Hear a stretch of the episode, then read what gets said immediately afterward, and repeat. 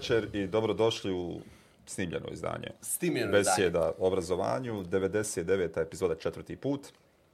A, sa vama večeras, mislim danas, kolega Nedim Krajišnik. I kolega Namir Ibrahimović. A, ljudi, sva što smo pokrenuli, a, velika kampanja, šaljemo nastavnike na zasluženi odmor. A, Kako misliš zasluženi? Pa ću zaslužati. Naši nastavnici koji nas gledaju idu na zasluženi odmor. Dobro, Dakle, obraćam se njima. dobro, okej. E, ide još jedna velika najava. A, dakle, besjede da bi održale a, kontinuitet i imale vlastiti izbor financija, koncem ove godine idu na izgradnju prve a, mini hidroelektrane u vlasništvu besjeda. Ovo je u nizu i tim povodom sa današnjom gošćom, Lejlom Kustricom, dobro nam došli. Ha, ha, ha. Dobro večer, mi ćemo biti tu da je rušimo. Baš se radujemo tom druženju. Ne daš nam da živimo, Lejla. Mislim, mi smo, evo, baš smo dugo razmišljali šta je to što može da, da, da, da nas finansira. Da. Mini hidroelektrana, nama je to super. Jako unosan biznis. Kako nije? Pa ima puno, Za vlasnike hidroelektrana. Puno unosnih biznisa ima u ovoj zemlji. Da li su etični, moralni? Ja mislim, ali ako to podržava besjede, da li, to, da li ćete protestovati protiv naše ovaj, mini hidro? Mala, mala. Za, za radničku klasu ovu. Bojim se, bojim se da da. ne, pa mislim, um, uh, istina je da uh, čak i u planovima jugoslovenskim uh, prostornih planova su bile predviđene male hidroelektrane, uh, ali samo u slučaju nekih varednih okolnosti kao nuklearnog rata i tako dalje. Dakle, to je neki zadnji, da kažemo, um, korak koji bi se poduzeo u smislu trpanja rijeka uh, u cijevi kada bi zaista naš opstanak ovisio rijeka u a, a, o, o tome. I čak su dakle ti stari planovi predviđali da samo u tim okolnostima mi u stvari možemo žrtvovati naše rijeke za naš opstanak. Mi danas zaista se ne nalazimo na takvom raskršću a, be, besjede također. A, a, napravit ćemo neki fundraiser. Ne, nema- Ima sto drugih načina. Imamo dosta Nas interesuje načina. ovaj easy way i vrlo bahati. je vrlo easy, bahati, way, you can do better than that. Možete vi bolje od Ništa, toga. onda ćemo uložiti u termoelektranu, novi blok, to nam ostaje. Misliš da možemo ovo sve što smo zaradili? Ubiće nas Lejla, ovaj, radikalna aktivistkinja. Da, evo, radikalna aktivistika. Jedno čekam da pričamo o tome šta to znači. Evo odmah ćemo. Samo da predstavimo... Borba za pravdu je ko- radikalizam. Ok. Ili bi to trebalo biti prirodno, pa ne bi trebalo imati pri, taj prefiks radikalno. Šta, šta je aktivizam koji u svojoj srži ne ide do cilja? A cilj mora da bude neka opća dobrobit. Mora da bude neko zajedničko dobro. A kako, ajde, evo sad dok... možda je super da, da, da, ljud, da je da predstavimo predstavimo. o, kroz, kroz njenu priču. Lejla je mnogo, šta, jedna, jedna, jedna um, sjajna osoba koju evo poznajem i lično ovaj, dok ste, dok, dok ste radili u Mozaiku kao filantropska menadžerica. A, sad da ja pričam o vama, to traje čitavu emisiju. Kad bi u nekim pojmovima to mogao da stavim, to je ovaj stvarno radikalni aktivizam po cijenu svega, vrlo neke čudne odluke, a, koje svima drugima su dobre, ne znam koliko vama, idejni ste tvorac čitave priče Moja kosa, tvoja kosa, to je drugari ono što ste upretili, dakle možete donirate a, vašu kosu, namir je to uradio da, davno. potpuno prirodno. A, trenutno je direktorica a, fondacije Akt, ona će više o tome a, reći. A, neko ko, ko, ko, koga nema, trebalo bi ga izmisliti. Ovakvi ljudi su nam vrlo važni, ali dalje suštinski ne razumijem otkud ti neki a, Otkud porivi, otkud porivi uopšte da... Jedno od pitanja koje je da bi neko bio aktivista, da bi se borio za, za, za, za... U biti ovo je sve borba za druge i oni koji su na tamnoj strani mjeseca, dakle ovo je i za njih borba, i za njihovu djecu, i za one koji su apatični, za, za, za, za sve, uključujući i vas, ali tu mora da postoji nešto intrizično, čudno što čovjeka tjera. I pitanje je uvijek tu, um, dakle, ako društvo nije dalo ništa jednoj osobi. Nije je zadužilo ničim. Ova država je učinila sve da napravi o, antipatriote u nekom simboličnom smislu ljudi koji preziru mjesto u kojem žive zato što, što, što nas ugrožava na sto nivoa. Otkud potreba da se zajednica brani, vraća, pogotovo njeni o, prirodni resursi? Ko je Lela Kusturica iznutra i šta je tjera na, na, na sve ovo? Da zabrani besedama da žive normalno od mini hidrocentrala. Prvo, hvala na jako lijepom predstavljanju. Uh, ima na drugoj strani ova druga strana, ali oni to neće ovaj, ispričat. Uh, možemo li da se ne persiramo? Što se meni tiče... Podcast je, može sve. Je, odlično. Ja namira moram, to nam je u ugovoru. Da, a vas dvojica to riješite između sebe. Mene ne morate, neću ni ja vas, nadam se da to riješite. U stvari hoću vas je dvojica, jel? Um, Prvo negdje, e, dosta je složeno pitanje, a odgovor je dosta e, jednostavan u biti. E, svi mi imamo iznutra neku silu koja nas tjera da, da budemo ono što jesmo. Mislim da je trik u tome da imamo jako dobar način da čujemo taj unutrašnji poriv sebe. I da onda... Um, svoje vrijeme, energiju usmjeravamo da se naoružamo vještinama i znanjima koja nam trebaju da bismo bili ono što u našoj esenciji jesmo. Ja Bosnu i Hercegovinu i sebe koja živim u ovoj zemlji voljno, jel, mogla bi da odem, ne posmatram kao nešto izolovano od ove planete, od ovog univerzuma čijeg sam dio. I borba za Bosnu i Hercegovinu je za mene borba za neke univerzalne vrijednosti u koje ja vjerujem kao čovjek a, i koje nastojim da baštinim i koje nastojim da ispoštujem sama u sebi. A, u, u pripremi jel, za ovaj razgovor pričala sam o tome kako volim da odem, a, da se osamim svake godine po, po 10-15 dana. I uvijek sama sebi postavljam to pitanje ko sam ja i zašto ja radim ovo što radim. I moram da kažem da je to zaista bio jedan um, prilično lud proces dolaska do neke moje suštine u meni.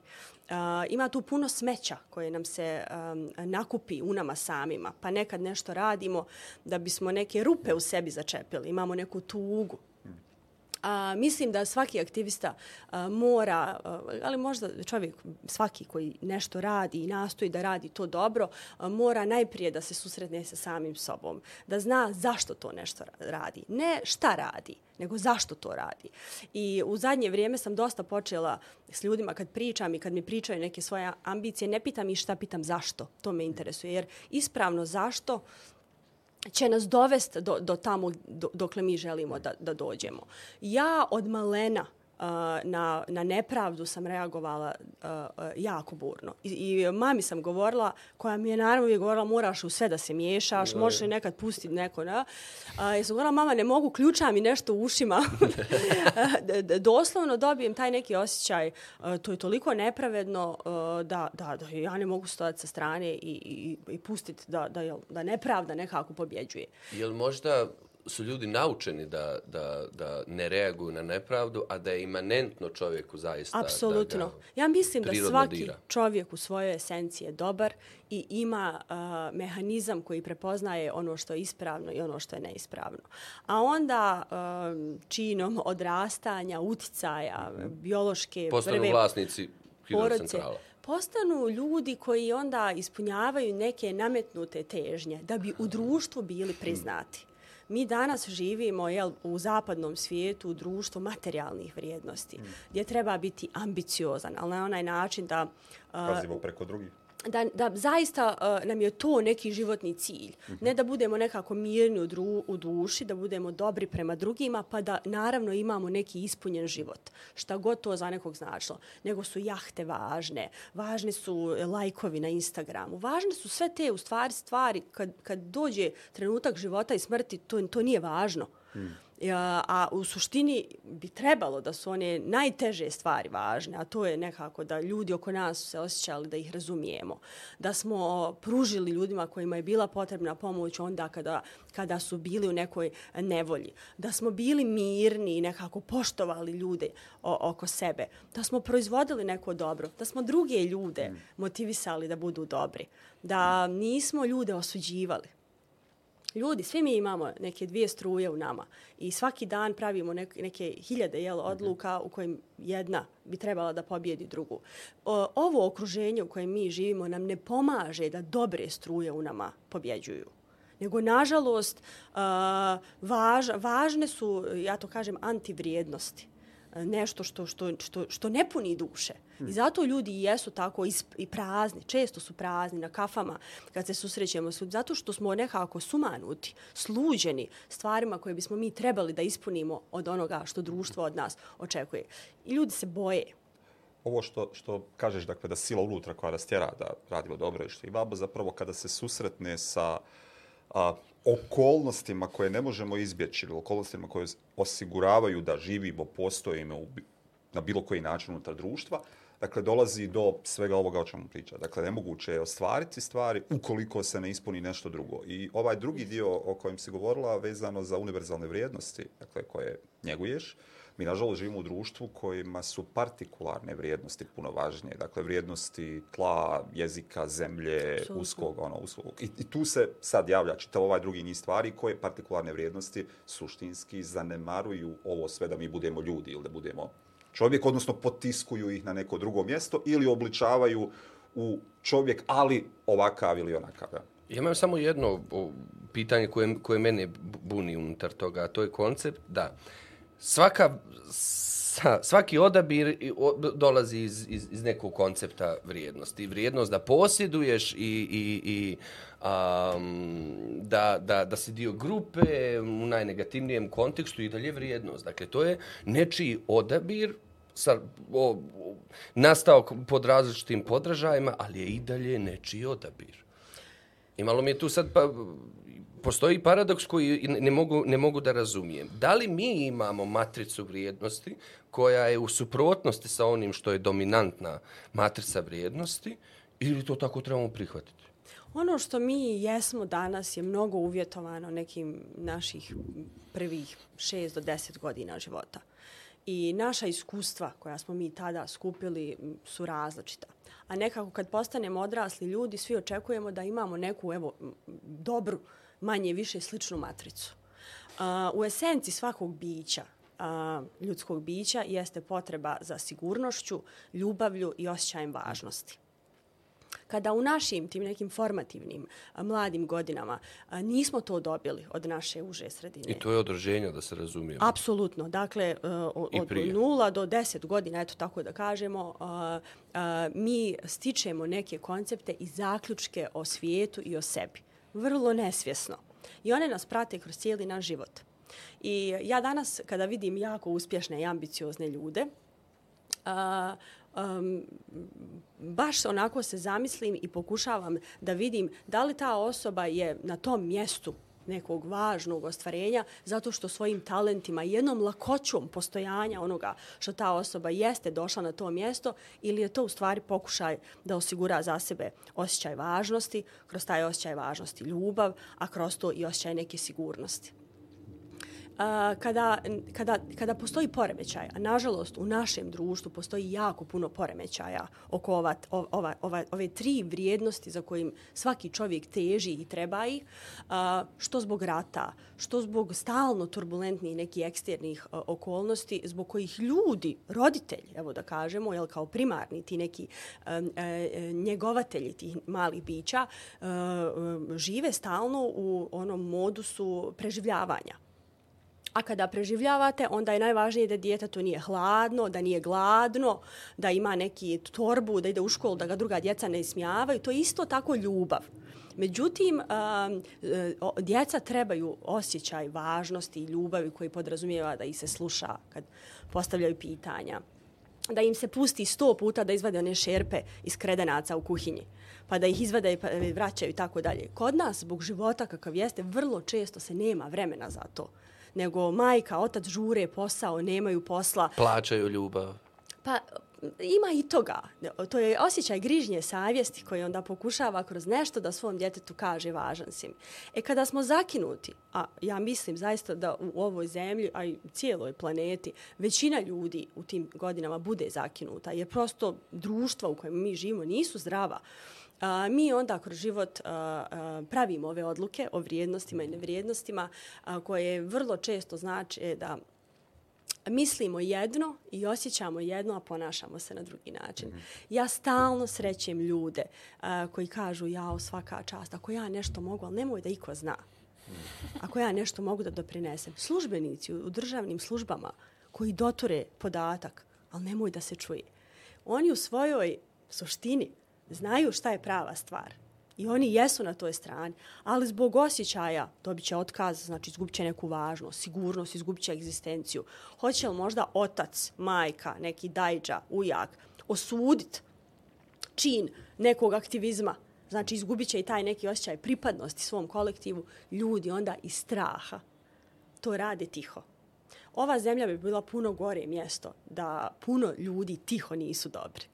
To moramo znati. Ne, raspo bi se planir generalno. Tako je. Ali bi znači, isto tako zemlja bila puno bolja, da je puno veći broj ljudi koji Dobri glas. jasno glasno kažu. Što pa ja mislim da je zbog toga vaš posao toliko divan i vi nekako imate, da kažemo, uh, prvi pristup ka nastavnicima koji u ovih, jel, da kažemo, osnovno, jel, da školsko obrazovanje, ti prvih nekoliko godina i obdaništa također, upravo mogu nekako da podučavaju i roditelje, a i djecu kako nekako da volimo na pravi način. Pričali smo o tome, pa mislim, jedno 80% emisija o tome šta I, jeste nastavnik kao javni intelektualac, na koji način bi trebao dobro za djecu i koliko je zapravo, nažalost, toga vrlo malo našem obrazovnom sistemu. Ja stalno ponavljam, ljudi u ovoj zemlji, nastavnici, aktivisti, profesori, akademici, e, čistači, umorni su. Mm. A mi kad smo umorni, nemamo energije za sebe. A kamo li da nekog drugog podižemo,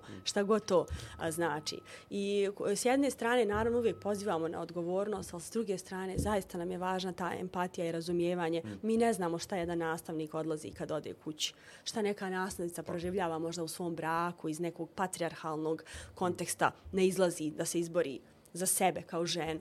Pa onda redom i djeca i roditelji sa Tako, svim životima. Apsolutno. Pa onda sa čitav niz stvari i to je recimo zanimljivo. Dakle, u, u obrazovanju su žene dominantne. Dakle, og, ogromnom je. procentu rade unutar škole. Zašto? I to Zato se drastično mijenja u univerzitetima. Zato što u onom formalnom i na direktorskim mjestima, ono kad se ovaj formalno izračuna, to je manji broj sati na radnom mjestu da bi se nastavio posao kuće.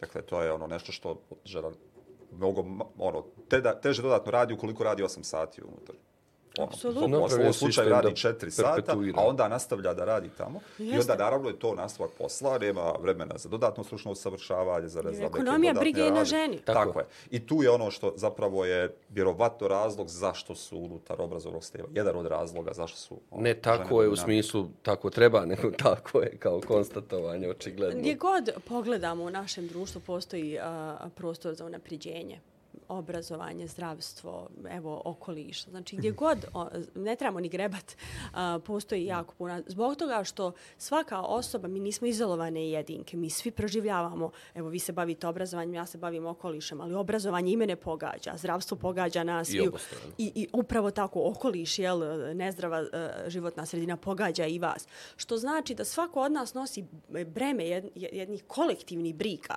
i trauma koje mi prenosimo ovdje jedni drugima, ono desetinama godina.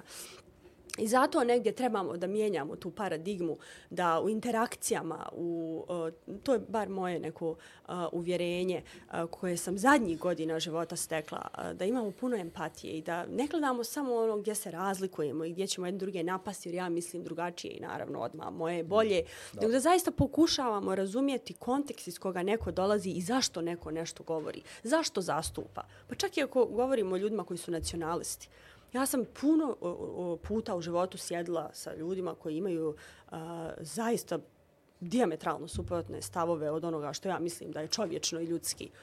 I dok ka mlađa Leila bi buntovno reagovala i svađala se i raspravljala, danas ja pokušavam da razumijem šta se desilo u životu te osobe i u kontekstu tog društva da danas ta osoba je uvjerena da je to pravi način da se živi.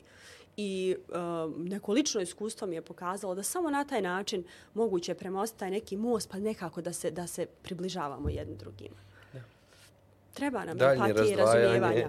Sve u službi daljnjeg razdvajanja. Jeste. A kako ozdraviti onda društvo koje zaj, zaista ima problem od, od, od, od jedinke pa, pa, pa, pa nadalje. A pritom vidimo da obrazovanje koje bi na neki način trebalo da doprinese da, da društvo je zdravo na, na, na svim nivoima, to ne radi. Pa i u stanju ove apatije o kojima smo govorili, vezano i za umor ljudi i za jednostavno izgubljenu vjeru i nadu da, da nešto može biti drugačije.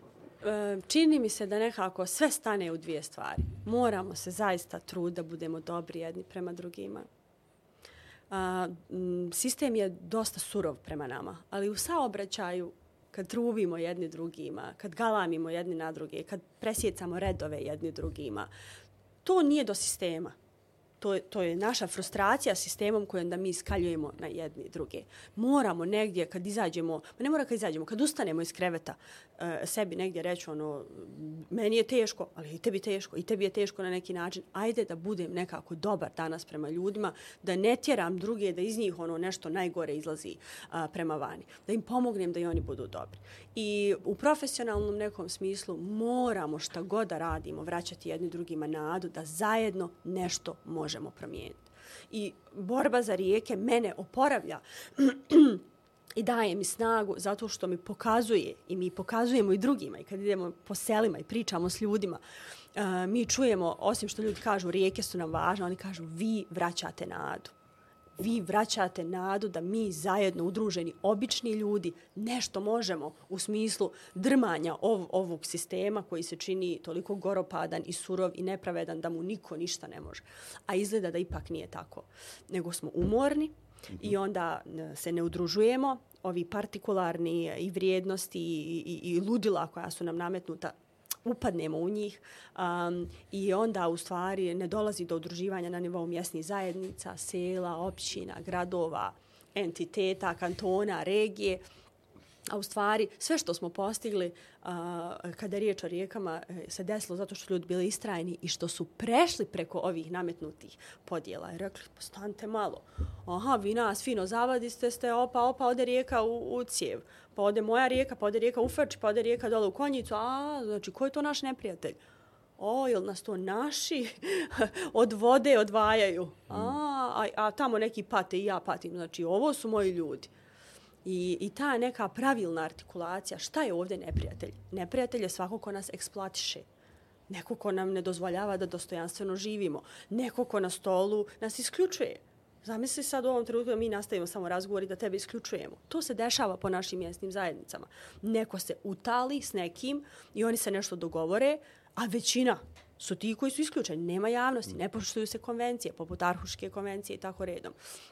Znači, to je naš neprijatelj. Onaj ko nam tjera djecu iz ove zemlje ne odlaze ljudi što smo mi baš ovdje gladni. Puno je ljudi gladno i živi na granici siromaštva, ali opet se nekako onaj ručak večera skupi, pa da je mm. hljeb i, i da se nešto pomaže. A ljudi odlaze i, i djecu tjeraju odavde jer kaže ubiće ga nepravda ubi nepravda. znači odsustvo nade. E to mi moramo nekako da vratimo. I ono što bi ja lično voljela i evo već smo kroz e, ovaj pokret za rijeke počeli da radimo i nadamo se da ćemo nastaviti da nekako um, i hvala vam na ovom pozivu da, da, da, da uspostavimo bolji sistem saradnje među organizacijama preko o, o, tematskih pitanja kojim se bavimo ovo što smo malo pregovorili. Okoliš se tiče svakog nastavnika. E to me, sad me malo tu, da, da tu produbimo. Ja imam neke, ovo su sve subjektivni osjećaji koje, dakle, nema nikakvu pozadnu, nego su čisti, čisti onaj istomak. Je to disclaimer za gledatelje? pa ne, volim, ovo je disclaimer meni, ja se ogradim od vlastitih izjava. I ovo kad samo da, dok, dok mi naumpalo, brineš o ljudima, tako da, ovaj, moram te, Ne brinu, budi dobar prema, ovo je sve budi dobar prema o, o, meni. Nemoj, ovo što je na vani ljudi, to uopšte nije Ovako, ja imam osjećaj da jedan dio aktivističke sfere smo toliko pojeftinili na nivou ideje projekta, gotovo da smo jednu malu industriju od, od toga napravili. Čak mislim da su takvi napori, možda čak i, i sa dobrim namjerama doprinijeli da je to rezervisano za jedan sloj mladih ljudi koji kao kroz neke inicijative što lokalni što međunarodne organizacije bivaju dijelom nekog. Pritom, ni da smo definisali aktivizam, ni kroz vrednote, ni kroz a, bilo šta drugo i to je ono kao u sferi sferi industrije, što mi donekle smeta i mislim da pravi veću štetu nego, nego korist, a da vamo tog autentičnog pa evo da iskoristim i to da, da, da dolazi prirodno iz neke zajednice, nedostaje. I treće, ono kad smo govorili o prefiksu, da li radikalizam, da li, da li aktivizam mora imati ikakav prefiks, ja mislim da on kao i, i, i inkluzija u obrazovanju je sastavni dio pojma, aktivizam je sastavni dio jednog samosvjesnog građanina kojeg je i to obrazovanje i društvo kreiralo takvog, utopijski. Ajde, volio bi samo da, da, da o, ovom smjeru aktivizma kojeg smo po, po, pojeftinili, pa onda i, mm. i to mahali svojim zastavicama, moja organizacija, tvoja organizacija i tako dalje. Pa, um, puno o tome pričamo i puno o tome razmišljamo. Uh, akt Fondacija te društvene promjene je mlada organizacija, iako je mi koji smo je osnovali, ali nismo mladi, skupili smo nekih znanja uh, i tom nekom dinamikom promišljanja rekli smo akt nije projektna organizacija. Dakle, naravno da dobivamo grantove, naravno da nam trebaju novci i donatore da bismo provodili neke naše strateške ciljeve, ali mi nismo projektna organizacija, što znači da um, rađe ćemo svesti naš aktivizam i naš rad na neki minimum, čak i ako nemamo novca, nego da ćemo uh, pokušavati jel, da zgrabimo novac pa da nekako se prilagođavamo donatoru da bismo mi kroz to nešto uspjevali od onoga što smo zamislili da uradimo. Um, ne znam da li je riječ radikalna ispravna, ali e, jeste neka, da kažemo, odrešita filozofija um, um, našeg poslovanja. Um, ne poslujemo s donatorima koji nas uslovljavaju da stavljamo njihove logotipe jer smatramo da e, mi ćemo staviti onda kada mi smatramo da, da, da je to prikladno, onda kada smatramo da nije prikladno, mi e, recimo uh, odmah na početku iskomuniciramo da nam je to važno. I imamo sreću da ovi donatori s kojima do sada smo radili, to su organizacije koje podržavaju ove aktivističke organizacije, imaju za to razumijevanja. Zato što i lično smatram da nekada kada je riječ o nekom ono, ad hoc na selu, istupu, aktivističkom okupljanju, okupljanju koje treba da pošalje poruku vlasti, logotip neke strane organizacije, tačno dođe tu kao neki viša koji ono postavlja pitanje šta je ovdje poenta. To je s jedne strane. S druge strane, organizacije da bi djelovale moraju imati novac. I znamo da to nije ni lako da nije lako doći do, do, do sredstava kod kojih možemo jel, da provodimo naše aktivnosti. E sad, ne, neki pravi put mora da bude na sredini. I ja sam dugo razmišljala, evo došla sam do jednog um, zaključka koji evo čak i predlažem i nama ovdje, a i uh, ovima koji slušaju. Mislim da organizacije moraju da se udruže i da postavljaju granice donatorima ja sam mišljenja da nekako indikatori, one matrice, logotipi, Impact. uh, impakti, uh, challenges, one sve što znamo, one stavke o kojima nam, je muka. Muka nam je kad to moramo u projektu da pišemo, je tako? Pa onda tako ti vizuali, logotipi, ta odobrenja i tako Završna dalje. Završna konferencija. Završna konferencija koja uvijek jako puno košta, koja nikakvog nema smisla u kontekstu. Baloni. E, e, dakle, postoji jedna matrica koja je nastala vremenom i ja sam sasvim uvjerena da nije nastala iz nekih loših namjera, nego se nešto tijelo najbolje, ali došlo se do toga da to više ne funkcionira. Da nekako ima pametniji, ono, ta buđ, prebacivanje para iz jedne budžetske linije u drugu, kad je stvarno potreba. A kad je stvarno potreba, to nije teško ni objasniti. To je tako logično. Staviš dvije rečence, ne treba spisati na pola uh, strance. Dvije rečence, ono, izašao, ne znam, nija napadnuta tamo rijeka, nije bila u projektu, znači mi je uvrštavamo u projekat jer nisam ja znala da će ta rijeka biti napadnuta. I donator treba... Kako riječnik? Napadnuta rijeka, dobro. Zaista napadnuta rijeka. I sad ja trebam da čekam pet dana donatora da mi odobri to. A tamo sjednica opštinskog vijeća je sutra na koju treba otići, ne znam, ja neki transparent razvući, reći ono šta nam radite s rijeke. Dakle, mi moramo udruženi da postavljamo uh, uh, uh, granice uh, onoga kako mi želimo da poslujemo. Uh, donator isto tako ono, daju novac, žele da to bude opravdano, da nije došlo do nekih zloupotreba. Razumljivo. Međutim, mislim da smo pristali uh, na određena pravila koja nas odvajaju od suštine zbog koje smo mi nastali. I to mi treba da promijenimo. A ljudi to, to osjete. I ja mislim da je, da je to put u fetišiziranje civilnog društva koji može biti zaista kontrapunkt svemu ovom što, što vidimo. I u jednom trenutku svi se trebamo zapitati da li smo saučesnici.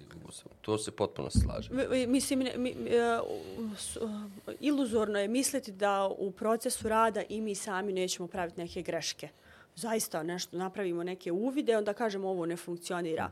Ali nekako ne pristajati da postojimo radi toga da bismo postojali. Mi postojimo da bismo rješavali neke probleme. Dakle, sve što nas od toga odvlači, odvlači naše vrijeme. Mene jako frustriraju izvještaji koji moraju da, ne znam, imaju 20-30 stranica koje jedan aktivista sjedi u nekoj prostoriji i bukvalno zarad ljubavi donatora uh, ispunjava taj izvještaj jer jel, da, da bi ostavio otvorena vrata i za naredni grant i tako dalje. Profesionalni izvještači. Jeste, profesionalni izvještači. E, suštine stanu na pola strance. Odbranjena rijeka nije odbranjena. Političar uradio to, nije uradio to. Bilo aktivista, nije bilo aktivista. Nastavnici usvojili znanja, nisu usvojili znanja. Evo, ima test neki u prilogu koji je pokazao. Primijenili u kurikulima, nisu primijenili. Ona sva, ona nadugo i naširoko, kao da evo svi mi opravdamo i oni i mi što su se potrošili te novci. A ne da se vidi, jel suštinski se nešto To je kad sistemi ili nije. postaju svrha sama sebi. Jeste, i to mene jako nervira i zato jako sam sretna o, da sam danas dio organizacije koja posluje potpuno a, drugačije. I naš izvještaj e, I to je za donatorima, jeste, to zaista smatram a, velikim uspjehom a, o, o, aktivističke borbe i rada, da nekako sam negdje gdje nemam niti jedno slovo koje radim radi reda. Znači svaka minuta rada koja se provodi, provodi u okviru akta je uh, direktno povezana sa suštinom. A onda o- ove druge organizacije koje nastaju tako iz, iz, iz lijepih namjera ulaze u jednu kulturu koja je, koja je već etablirana i vrlo brzo ih naučimo ovom projektovanju od života, što Ali je to mislim da je vrlo, mislim da je to vrlo očekivano, jer ljudi kruže iz organizacije u organizaciju, usvajaju obrazce rada, izvještavanja, pisanja, Učimo planiranja. Da, i to je ono nivo. Dakle, i negdje se traži Je. najmanji zajednički sadržavac ili poznati prostor u kojem se neko kreće i onda nešto što je možda na početku imalo svoju svrhu, na kraju postane isprazna forma, kao i većina drugih stvari, koju mi ispunjavamo. dakle, kao takvu, kao neku vrdu formu. Ako se mogu vratiti samo na ono zašto. Aha, Isto ajde. ono s početka zašto. Zašto nešto. Ja uvijek se pitam kao zašto? Kome ovo služi? To je- Aha. I u suštini znači samo služi donatoru. Eto, znači on iz pola one stranice onog samerija može vidjeti suštinu, a ovo ostalo I najčešće vjerujem da, da, Zašto da je vjerujem ja da bez- I smo kad svi se to ograđuješ od, od, od stavova iste organizacije koju podržavaš, to je najveći nonsens koji smo uveli. Kao daš pare za nešto, ali moraš disclaimer koji kaže ne stojimo da. iza stavova ovoga. Ovo nisu stavovi Europske unije. stojiš? A dao pare. A, vjerujem da u, u aktivizmu, evo sad kad se ispuni neki cilj koji je postavljen od ciljeva, da je to jedno zadovoljstvo ono, koje, ne, koje se teško može opisati u nekom smislu. Ali dvije su stvari. Jedna opasnost su novac i oni koji finansiraju, a drugi nivo je taj oblik a, blagog popuštanja zahtjevima kako bi se zanemarile neke druge stvari. Kako se balansira između te dvije stvari? Kako se nastavlja borba kada neko drugi u javnosti plasira da se ispunio cilj, evo, sve što su tražili, sve smo im odobrili, šta još hoće. Pa ta lista ciljeva, o, ona je dosta dugačka. I ako se ispuni jedan cilj, evo, prije dva dana usvojen je zakon. Jeste, 6.6.2022. godine usvojen je, dakle, zakon o električnoj energiji koji pretpostavlja zabranu. Ima još jedan korak. to U je važno, federaciji. U federaciji. To je važno. A, još jedan korak je potreban, a to je potvrđenje, da kažemo tako, ovog zakona u Domu Naroda. naroda Federacije. Kad je to? Sada moramo da i natjeramo da zakon stavi na dnevni red. I Ima li neka- Apsolutno Koji je će važno. vitalni nacionalni interes biti po, povrijeđen? Mi kažemo, naravno, rijeke jesu interes. političko pitanje, ali iz, ja, one su iznad et, etničkih pitanja. Dakle, uh, i, i, Ne, ne, ne, i, i, ne, i, to, su, to je naša rijeka, vaša rijeka. Da, to je, ali zaista rijeke nemaju granica i one su stvarno pokazale kako lijepo ljude spajaju u nekim suštinama. Iskoristit ću priliku da ponovo pozovem gospodina Tomislava Martinovića da zakon stavi što prije na dnevni red. On stavlja. I a, to je predsjedavajući. Doma naroda koji upravlja jel, dnevnim redom Sjednica i nadamo se da će već u junskoj, na junskoj sjednici, ako A ne što ne junskoj, bila neka vanredna hitna? Mogla bi biti vanredna hitna, ali u svakom slučaju elementarno je važno da bude zakon usvojen prije izbora u oktobru. Da ovaj saziv parlamenta koji je već ovaj zakon jednom usvojio, da ga i potvrdi. U protivnom, nova vlast, novo formiranje vlasti, zakon postaje besmislen ako ne bude usvojen do oktobra. Ko je ovaj jedan... Zauzimanja rijeka ne čeka uspostavljanje nove vlasti. Apsolutno, rijeke su na udaru svakoga dana, investitori zaista ne miru, ne miru, ne, nisu mirni. a, Ni iz poskupljenje razloga- materijala ništa ih ne sprečava. Naravno da ne, male hidrocentrale su jedan od najunosnijih biznisa koji je ikada izmišljen u našem društvu. Za interes tajkuna. Ne, ne, ne, di me Nisi nekako, meni ne govorio, izgledaš mi govorio kao na početku tajkun. Kako Ne izgledaš mi kao tajkun, ali evo, nikad ne tajkunske. znaš što je tačno. Nikad od mene taj kur. Ko je ovaj, je, Lela, jedan suzdržani? Aha, ne znam. 65 glasova za, ja imam jedan teoriju. suzdržan. Ja imam teoriju. Ja mislim da se neko zbunio. Aha, omaklo mu se. Ja mislim da se A Kako zbunio. izgledaju dugmići tamo? nije, ja mislim da je neko zaista promislio i rekao da u zakonu nije baš sve riješeno kako treba, da postoji Aha, mogućnost želi zloupotreba. Ja mislim da se neko zbunio. Uh, ja, nam ne, ga. ne sjećamo se Dajte da nam ga. ovo je narodski zakon, ovo je pobjeda naroda, ovo je pobjeda nade, da nešto zajedno možemo. E, mislim da niko od njih nije smio da glasa uh, suprotno To volji znači naroda. 90. Pa dobro, evo, ostavljaju ljude gladne pa ne glasaju smanjenje akciza i PDV-a. radi se o tome da mi se žalimo u dnevnim boravcima na poslu, ali ne, nije, nema nas 100.000 na ulici. To je udružena snaga zbog koje onda oni nešto ne smiju. 100.000 nas ovdje da izađe. I da blokira. Ili ekvivalent I ono da što blokira radite na, dana na sve. terenu, to je da izađe 30 ljudi iz svog sela i kaže ovo je moje, ne dam. Apsolutno. Ali neće, Nekad ako je izađe 30 ljudi iz sela, da će izaći ili 30 iz susjednog sela, ne, da ne govorimo sada o ljudima unutar grada koji će na bilo koji način solidarisati se ili pokazati da im je važno. kod rijeka se to desilo. Znači, mi se jesmo solidarisali. Ljudi su krenuli u svojim selima da se udružuju, da zaustavljaju mašine tijelima, da stanu žene hrabre, žene krušice, Da. u pet ujutru most blokirale, rekle ne damo preko nas mrtvi. Dobile batina, bile Jeste. suđene zbog toga. To mi je Ali- jedno od ženski subjekt u ovom, kao da je, da je, da je ovo vrlo sad... prisutan, e, vrlo to me prisutan, interesuje. vrlo Kako pri- to borba, razumiješ Zato što generalno? je borba zajednička, zato što je borba čista i zato što je zajednička i zato što dolazi iz onog odavdje, ono kad krene Mm. nešto da vrije u čovjeku. A, sve podjele, sve, sve različitosti tada više nisu a, važne nego samo to, taj, taj neka, neki, na, neka naša ljudska energija, neka, neka naša moć ljudska, da mi nešto mijenjamo, modeliramo a, i oblikujemo udruženom snagom. I um, vrlo nam je jasno da je ovo jedna vrsta, ovo je odbrana, zaista ovo je odbrana prirodnih resursa bez kojih nema života. I, I mislim da svijest ljudi koji su ustale da brane i da, da, da se pobune je da to jedino možemo svi skupa. I žene, i muškarci, i djeca, i nastavnici, i akademici, i seljaci, i motika, i olovka.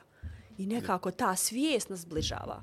I sve ove društveno nametnute podjele tu nekako uh, imaju manje smisla. Ali ovdje je ono, pitanje je nama važno, dakle, znanja, odnosno obrazovanja u kojem neko mora znati svoje lično mjesto unutar društva u kojem se nalazi, u kojem neko mora poznavati propise koji idu, koji moraju znati na koji način će sa svojim izabranim sastupnicima na svim nivoima moći razgovarati, kao moći zahtijevati na koji način će koristiti svoje pravo glasa da ispunjavaju ono stvari koje idu.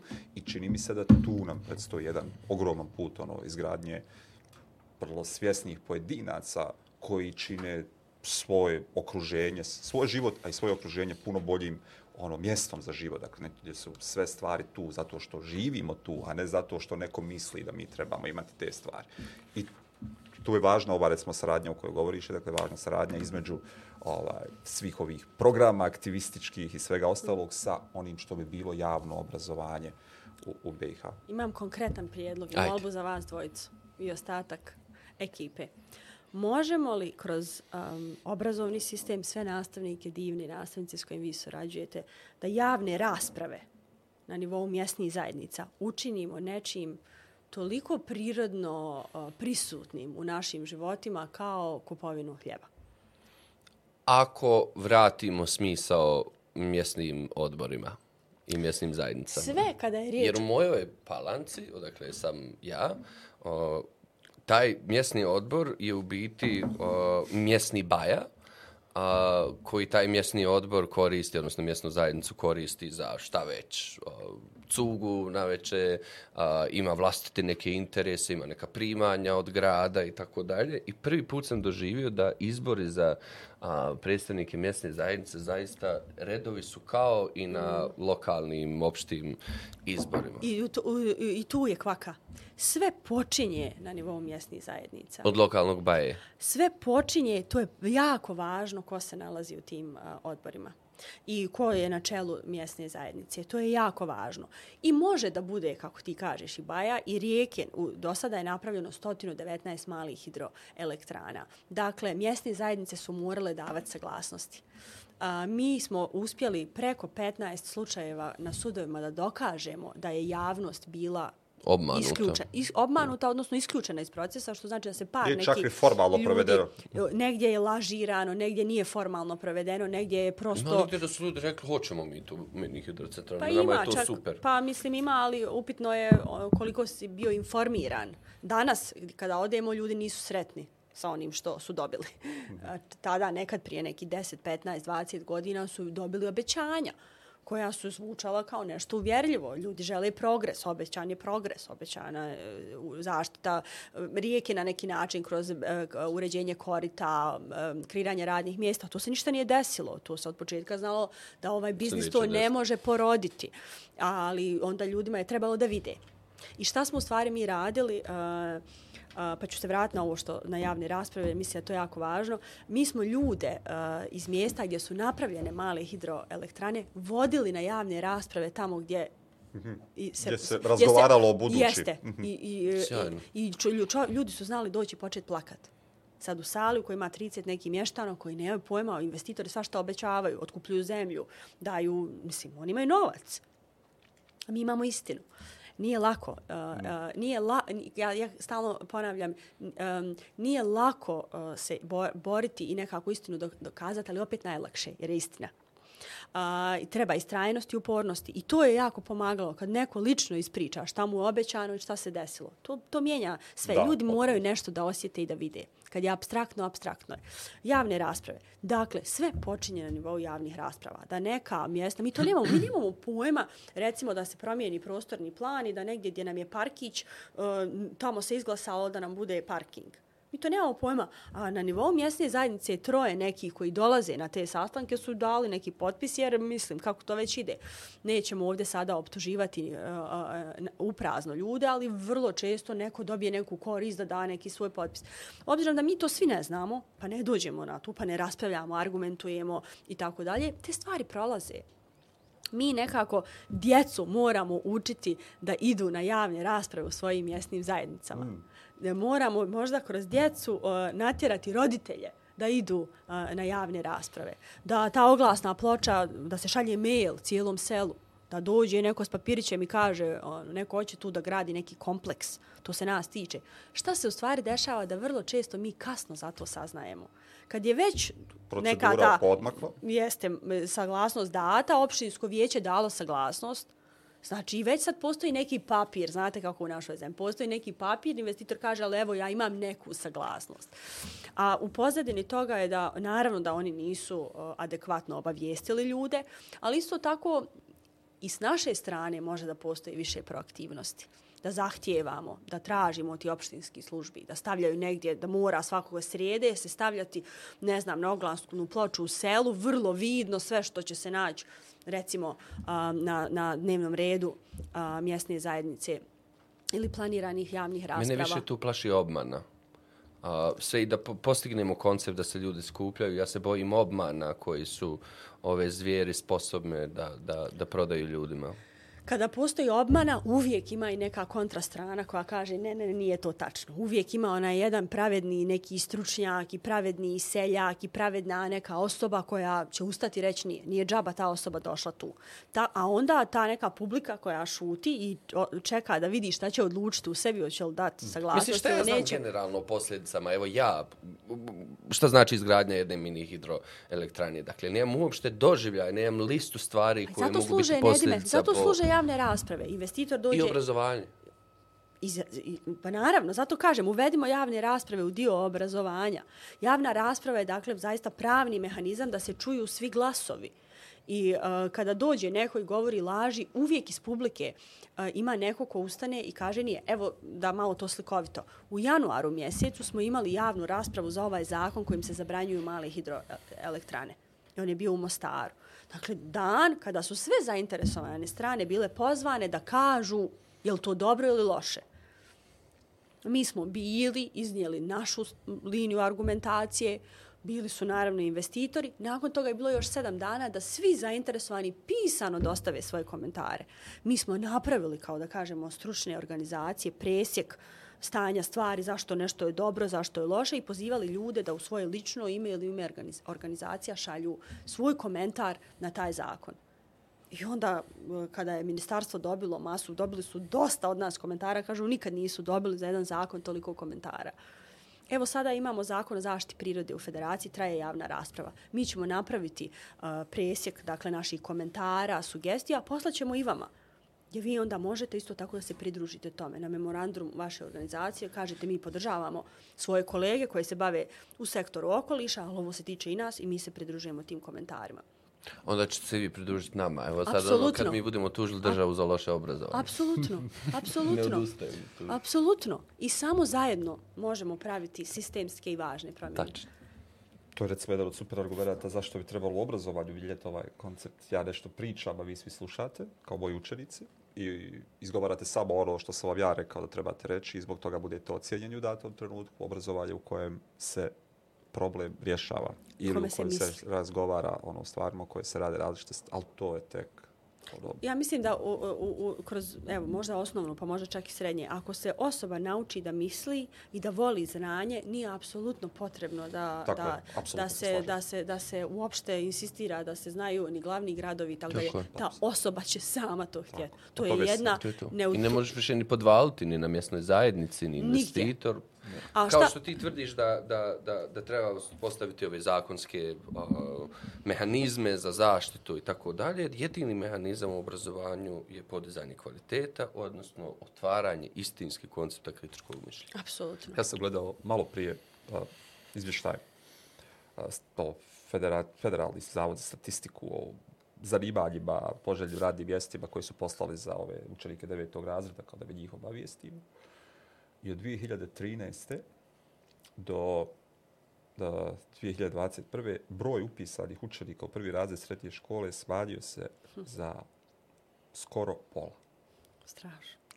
Dakle, za skoro strašno. I ono, u biti najveći, uh, po toj statističkoj, iznad prosjeka federacije, najveći je Tuzlanski kanton. Mm -hmm. Najveći broj učenika, smanjen najveći, ono, najmanji broj učenika je upisan. Dakle, čak 27% čini mi se da stopa smanjenja upisa učenika u prvi razred i to su do, sve virus, svaki kantor je minus u federaciji. Odlaze na I ono, dakle, to je... Ono, Što je dobro za prirodu. Ne znam kako da vam kažem, ja tražim lijepe stvari. Što nas je manje, prirod će biti bolje. Je li tako? Važan nam je kakvi smo. Koliko, god, danas god danas je. I moramo se truditi da budemo bolji. Ali jeste, zaista, ono, roditelji sanjaju da djecu iz Bosne izmjeste. Kao da taj neki, ta roditeljska briga, da će li imati posao, će li imati, da će ga neko... Život, jest, I šalju sistemski uređenu državu. Jeste. Jeste. I umorni su da ovdje grade, jer mm, često ljudi misle, kažu, ma ovo ne može, ovo se mora iz temelja mijenjati. Ali nema drugih. Oni koji će to mijenjati iz temelja smo mi. Reda. I cijela se planeta, jel, mislim, ako gledamo neki istorijski razvoj, uh, civilizacija i tako dalje, mi smo, ja spominjem to često, mi smo ljudi koje čekamo. I svako malo nečije, svako malo je zajedničko puno. I na svakom radnom mjestu, u bilo kom kapacitetu uključenosti u društvo, mi možemo već ovo društvo učiniti boljim. I ja vjerujem da će se to desiti. Mnogo se sa... Izvini. Ne, ništa, samo ovo bez ribo. Dakle, kad se izgradi mini hidroelektrana, to je nepovratno uništen prirodni okoliš. Dakle, to se, kad bi se htjelo, ne može vratiti u stanje. I ovi 119 se neće srušiti, ali po novom zakonu, nego će ostati tu. Po ovom zakonu neće, po možda nekom za koji ćemo se boriti. Aha, jer sam Drugom. te pitati, kad, kad odbranite rijeke od ovi, mini hidrocentrala, šta onda? Pa, e, mislim, ta lista uh, zahtjeva je dugačka. Uh, o, ovo zabranjuje buduće male hidroelektrane, što znači da sprečava zaključenje novih koncesionih ugovora. U cijeloj zemlji, pa i u federaciji, je zaključeno već jako puno koncesionih ugovora za male hidroelektrane koje još nisu napravljene. Mm -hmm. Znači, kada ovaj zakon, mi zaista se nadamo i očekujemo da će biti usvojen, kada se to desi. Jeste, oni imaju tri, ro, tri godine rok po ovom zakonu da dobiju energetsku dozvolu, što znači da onda moći će ući u građenje. U slučaju da u roku tri godine ne, ne dobiju tu dozvolu, onda oni gube pravo na ostvarenje svoje... Koji izdaje dozvolu? Dozvola ima mali milion, izdaju ih različiti nivoji vlasti od mm -hmm. ministarstava kantonalnih, nekad i federalnih, tako dalje. Što znači da naš drugi ko, e, cilj mm -hmm. posle zakona će biti poništenje, odnosno raskidanje koncesijnih ugovora. Mi već sada radimo jednu analizu sa jednim advokatom koji nam daje pravno uporište zašto bi država, kad bi htjela, mogla da raskine ugovore koji još uvijek nisu realizirani. Jer su istekli, jer nisu valjani, jer e, nije bila uključena javnost. Znači, niz pravnih osnova bez ikakve opasnosti da investitor... Koji je to broj barata, Ašli? Pa uh, niko ne zna koji broj je koncesijnih ugovora zaključen. Taj podatak se krije. Fu, fenomenalno. Da, taj podatak se krije. To je ta vaša zamišljena. Ovaj, u snovima je Nedime gradi. Uh, mada ima ljepši snova. Sljedeći, uh, treći neki cilj bi bio da natjeramo ovi 119 da makar poštuju uh, taj ekološki prihvatljiv protok. Što znači da min, minimum vode koja mora ostati u prirodnom koritu. Jer se korito, da kažemo, račva diode u cijev, ni to se ne poštuje. E sada, ovo, uh, šteta jeste nepovratna prema uh, nekim tvrdnjama profesora uh, i stručnjaka iz ove oblasti. Kažu da treba od 50 do 100 godina da se rijeka počne vraćati u svoje prvobitno stanje. Kad se jednom uh, izvrši neka vrsta intervencije u, u taj ekosistem vrlo važno ovdje napomenuti, nisu sve rijeke niste. Da, da. Bosna i Hercegovina ima prebogate rijeke raznolikošću života koji živi u njima, od biljnog i životinskog mm. svijeta. A na to sve i sela uvise o, o toj čistoj, pitkoj vodi. Uh, male hidroelektrane se prave mahom na pritokama rijekama, znači manjim rijekama. To su one rijeke divlje, mi zovemo divlje rijeke, koje idu kroz šume. One su čiste na njima se stoka napaja. Ono, ta voda se koristi za poljoprivredu. Dakle, um, efekat, uh, odnosno da kažemo korist, kada se gleda šta mi gubimo kao društvo, kao zajednice, a šta dobivamo od tih malih hidroelektrana, danas je ta računica potpuno jasna. Mi, ljudi, obični, ništa ne dobivamo, a tajkuni se užasno puno bogate. Za mrvu struje koju naprave. Prošle godine njih preko 110 je napravilo 2,54% od ukupne struje koja je proizvedena u, u, u Bosni i Hercegovini. Istovremeno, od 2015. do 2020. godine, neki stotinjak firmi, eto tako da kažemo, stotinjak malih hidroelektrana je dobilo kroz poticaje preko 100 miliona konvertibilnih maraka. Dakle, ovo je, zato sam rekla, ovo je najunosniji biznis. Pare se uzimaju od nas kroz račune za struju, ima ona naknada za obnovljive izvore i onda se ne daje u stvarne obnovljive izvore kao što su vjetroelektrane, nego se daje u, u biznis koji daje 2,54% struje. Moraju oni od čega da žive. Stotinu tajkuna. Dođeš je filantrop. Stotinu nekih, ovaj, stotinu nekih pravnih lica. Mi često kažemo, jel, tajkuni, naravno nisu svi oni tajkuni, ono, vrlo teško je to dokazivo, ali ovo što smo mi vidjeli na terenu i presude koje smo dobili, gotovo u, 100% uh, iznosu, da kažem, jel, potvrđuju da tu neko je samo mario za profit da nije mario ni za kakvu društvenu korist, ni za vraćanje zajednici i tako dalje. Safet nam je govorio, mi ne znamo taj podatak, da u biti jedna vjetroelektrana mijenja koliko ono mini hidroelektrana? Pa, uh, Ozbiljan broj. Ovako, neki. znači... Uh, Što isti ti tajkun ne prave vjetroelektrane? E, računca, znači imamo dvije vjetro, uh, dva vjetroparka Mesihovina i Jelovača koja, koje proizvode uh, uh, struje gotovo kao 80 malih hidroelektrana. Ta, tako ide nešto, možda i ja sam sada, uh, nisam precizno rekla, ali otprilike to je računca. Uh, zato što jedna mala hidroelektrana da bi se napravila košta oko 10 miliona konvertibilnih maraka, znači ne moraš biti puno bogat, a jedan vjetropark između 100 i 150 miliona konvertibilnih mm. maraka. Ovdje može praviti kvaka. privatno lice, dok vjetroparkove pravi država ko što i treba da je energija u vlasništvu države. Mi ovdje imamo privatizaciju i vode i privatizaciju struje. na jedan način. I to, uh, kako da kažem, privatizacija struje u sektoru bogatih. Mi se zalažemo za građansku energiju. Dakle, da svako od nas može imati solar na svom krovu i da možemo da proizvodimo energiju za lične potrebe, a višak da stavljamo u sistem, odnosno da prodajemo državi. I a, a, računice neke kažu kada bi se o, o, ovaj proces uspostavio olakšao. U Republike Srpskoj je već zakonski ovo riješeno, da ljudi mogu proizvoditi struju. Naravno, imamo na terenu potpuno obstruiranje ljudi, jer to ne odgovara. Jel sad jedan put imamo novog proizvođača. Se račun. Novog proizvođača koja je masa malih proizvođača. A, isto, dio kolača se daje običnom svijetu. To nikad nije bilo u interesu bogati. Dakle, kada bi se to desilo, a mi zaista očekujemo da će novi zakoni u federaciji to omogućiti, mi bi onda imali nivelisanje, da kažemo, ono, da sada se ne gađam brojkama, ali daleko više bi se struje proizvodilo na taj način nego kroz ove male hidro. Što znači da besede ne moraju mini hidroelektrane, možemo svoju solarnu da imamo Apsolutno, na zgradi. i još ćemo vas podržati, neki fundraiser. I još, uh, mi kažemo, ovi poticaji koji sada se daju, jel, uh, poticaji, kako se oni troše? Znači, našim parama se otkupljuje struja koja se pravi na našim rijekama, ali za džep nekog privatnika. Ja sam ja najvnosniji biznis. Kako su to smislili? Kako to namisle? To, to, Pa da. pa znači to su ozbiljno mudri ljudi Pa koji sad si ti sjede i namislio. namisle...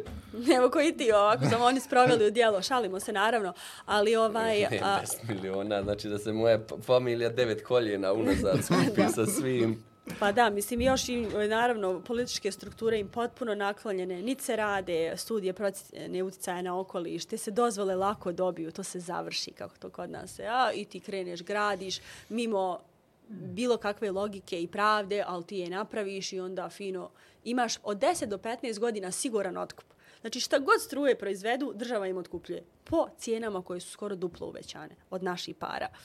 A, mi sada a, se zalažemo da ovi poticaji koji je dobro da se skupljaju kroz naknadu, da se oni koriste, da se ljudima pomaže građanima, da kupe solarne ploče.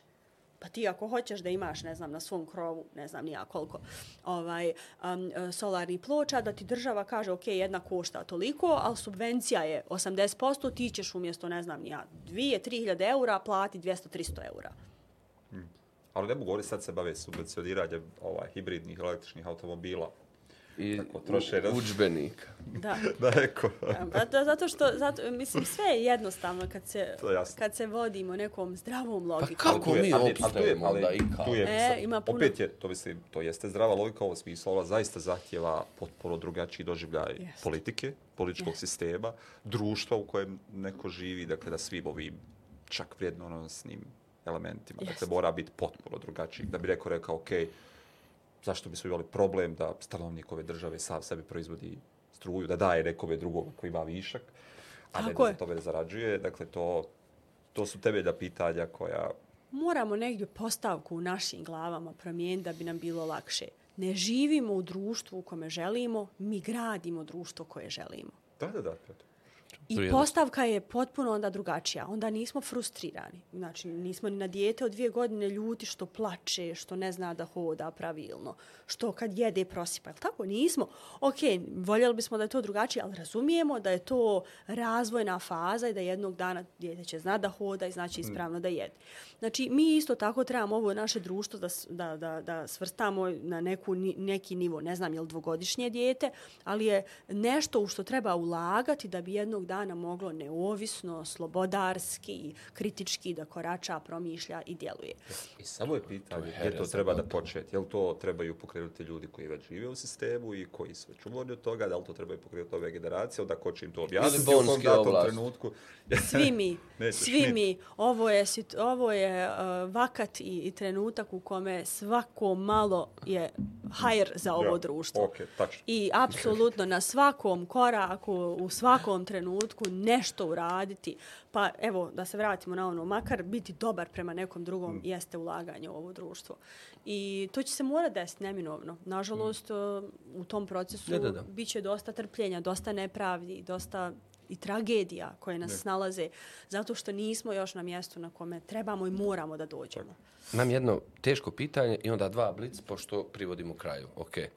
Um, pričali smo i ovom sad i koncept, nije, ne, bavite se, ne bavite se jedino zaštom rijeka. Dakle, vama je priroda, holistički ljudi, priroda, sve vam je to važno. Ja to, i, i mi negdje koncept održivog, održive budućnosti razumijemo kao jedan bazični, substancijalni suživot svega živog i neživog na ovoj planeti. E sada, a, kad se ozbiljne države koje su svoje kapitale, dobrobiti i tako dalje stekli na osnovu čega već, oni se mogu igrati zelenih i tako dalje, ali kada vi, na primjer, uništite ili zatvorite jednu termoelektranu u Bosni i Hercegovini koja je isključivo prljava energija i negde prečutno dozvoljena od strane čistih zelenih, kako, kako, kako vi promišljate generalno o, o konceptu ljudi koji gube poslove i to je instant šteta, zaista. Dakle, nema, I pritom govorimo o stotinama hiljada ljudi koji radi u rudnici rudnicima uglja, termoelektranama i tako dalje. Kako, evo, iz neke, neku konteksta Bosne i Hercegovine, neko ko živite ovdje, živi sa tim ljudima, kako Absolutno. promišljamo o tom? Meni Apsolutno. Je... Akt kao organizacija i organizacija čija misija jeste eh, harmonija ljudi jedni s drugima i sa prirodom. Uh, I mi kažemo, naravno da trebamo kao planeta, pa i mi ovdje, ova naš, naše ovo malo društvo, trebamo da idemo ka zdravijem načinu života. I međutim, zelena tranzicija je socijalno pitanje njeni e, radnici nikako ne smiju biti gubitnici. To je opet onaj obični čovjek Tako. koji na kraju plaća najveću uh, cijenu. Bosna i Hercegovina u smislu doprinosa i klimatskim promjenama i tako dalje kao jedna siromašna zemlja zaista doprinosi minorno. I, I prodajemo svoje kvote, ove viš, višak zagađenja koje ne Dakle, mi zaista nismo, da kažemo, na listi ni prvi Što je, znači stotinu znači, super da smo nerazvijeni. Pa, mislim, s jedne strane, uh, u svakom zlu neko dobro, jel? Uh, dakle, mi nismo oni koji trebamo da plaćamo cijenu onoga što su velike zemlje. Kako kaže podatak? Uh, Evropa, Kina i Amerika uh, zagade planetu godišnje više nego stotinu zadnjih zemalja na, na toj listi uh, zagađivača. Što znači da uh, cijenu zelene tranzicije moraju platiti oni koji su planetu doveli na ovo mjesto. Znači, oni koji su svoju industrijsku, uh, da kažemo, razvoj i revoluciju revoluciju i tako dalje već obavili na jedan način ili im se dešava a, u ovom trenutku, oni moraju da plaćaju i da pomognu manje razvijenim zemljama da bez socijalnih nemira i socijalnih, da kažem, ugroženosti uslijed otkaza radnika dođu na, na, na, na to mjesto. Uh, akt se zalaže za čiste rijeke, ali akt se zalaže i za radnike.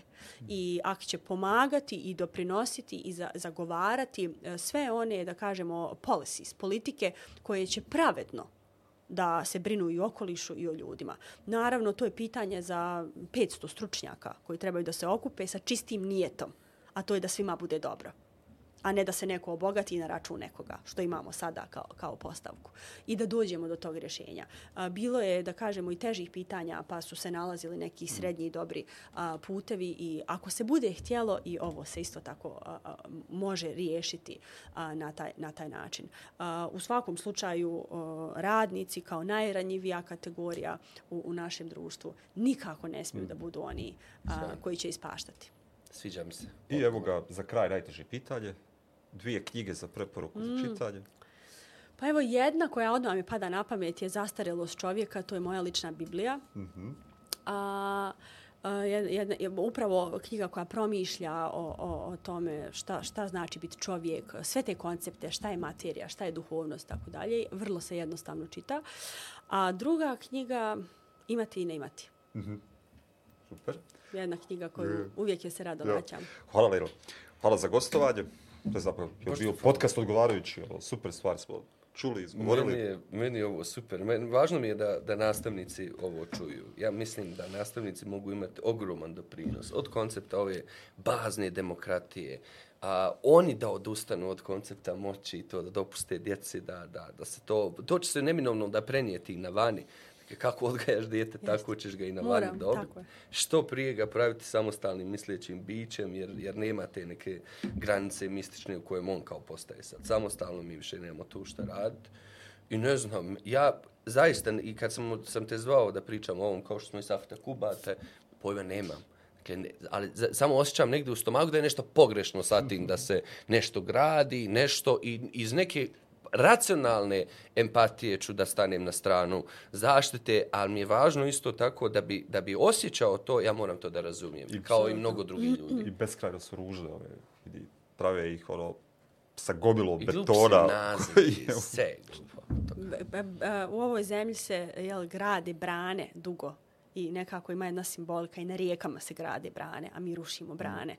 A, i spajamo nekako ljude i treba se odustati od tog nekog koncepta moći posebno nad djecom koja su već u nekoj poziciji, jel, da kažemo neprivilegovano jer, jer su manji od nas, jer se mi o njima brinemo, jer nemaju svoj novac i tako dalje, nego ih podržavati i njegovati da postaju ta neka misleća bića s kojim se može ravnopravno razgovarati, koji mogu da grade onda jedno zdravo društvo.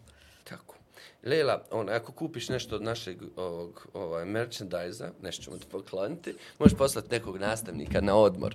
A to je pravo šlagvort u ovo da vas da pomenemo da traje kampanja, dajemo džeparac za dvoje nastavnika od pa 500 Divno. konvertibilnih maraka, da odmore, ni za šta drugo, Divno. samo da odmore. Mi se isto u aktu bavimo brigom o aktivistima. Aktivisti se brinu o drugima, ko Tako se brine je. o aktivistima. Tako to je. isto vrijedi i, i za nastavnike, tako da vrlo rado ćemo podržati Hvala ti vaš puno. koncept.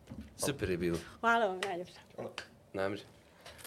Ibere, Hvala Imere, puno vidimo se 15.6. Kolega Namir će biti sam sa uvaženim o, gostom iz Zagreba koji nam dolazi. A, pratite naše mreže, bit će najave za promociju knjige odma u srijedu o, koju ćemo zajedno raditi. da, evo, možemo ga reći, evo, Evo, Saša, Saša Ceci je Saraba naredne srijede, eto, tako da, da se gledamo. vidimo se. Ćao, čao.